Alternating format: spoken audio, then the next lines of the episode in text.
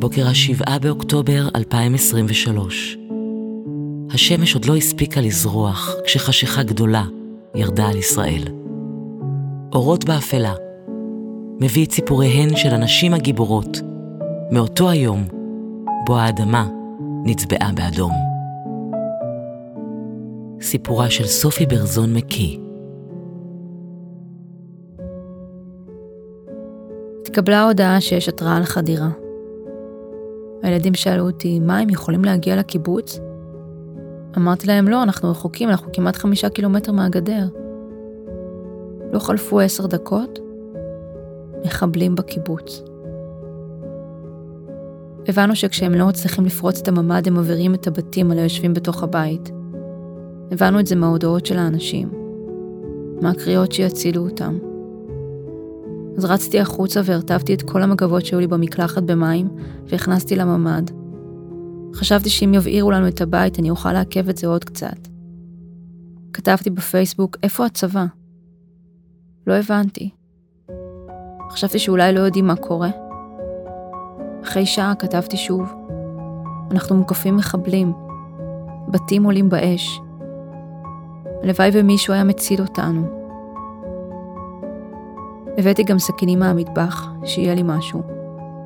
וככה ישבנו וחיכינו. עקבתי באימה אחרי הקריאות לעזרה הנואשות. שעות על גבי שעות על גבי שעות, אנשים נטבחו בבתים שלהם. ואף אחד לא בא, שעות על גבי שעות. הם עברו בית-בית ושחטו את כל מי שהיה שם. הם עוברים שכונה, שכונה, שכונה, ובסוף בסוף הם בשכונה שלי. היינו עם שלושה ילדים. אמרתי לילדה שלי בת שלוש שהיא צריכה להיות בשקט כמו עכבר, ובגלל שכולנו לחשנו אז היא גם הצטרפה לזה. הבנתי שאני פשוט לא עומדת לשרוד את זה. ולא רציתי לפחד מול המוות ואמרתי לעצמי, סופי, כשהלב שלך יפסיק לדפוק, את פשוט עומדת למות. כתבתי בפייסבוק, אם קורה לי משהו, היה לי טוב בחיים. אהבתי הרבה, הרבה ברכות היו לי. מקלפים נוראים היו לי חיים יפים. ואז הם פשוט הלכו. המשיכו הלאה. כי לא יודעת למה.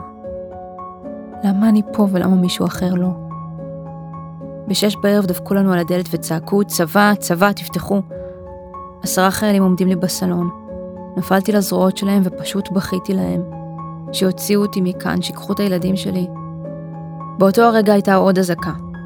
זה נפל שמונה מטר מאיתנו, ואז החיילים אמרו, תעלו לממ"ד של השכנים. נדשתם שם ביחד ואנחנו חוזרים תוך כמה דקות. הכמה דקות הפכו לחמש שעות. שמונה אנשים, שתי משפחות עם תינוקות בממ"ד קטן. חלל אטום, אין חמצן כבר לנשום. כל הזמן פחדנו שהתינוקות יתחילו לבכות ולצרוח וימצאו אותנו. בשתיים בלילה, אחרי שהיינו נצורים עשרים שעות, חולצנו. הפינוי רגלי, הקרבות ממשיכים. הם אמרו לילדים, אתם מוצאים את העיניים שלכם. אתם לא פותחים אותם עד שאנחנו לא אומרים לכם לפתוח.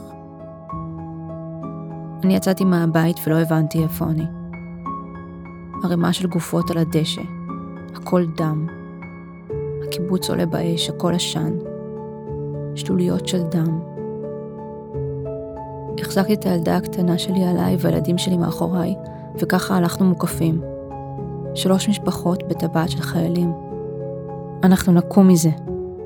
אנחנו נשקם את הבתים שלנו, ואנחנו נשקם את הקהילות שלנו. אנחנו נקום מזה.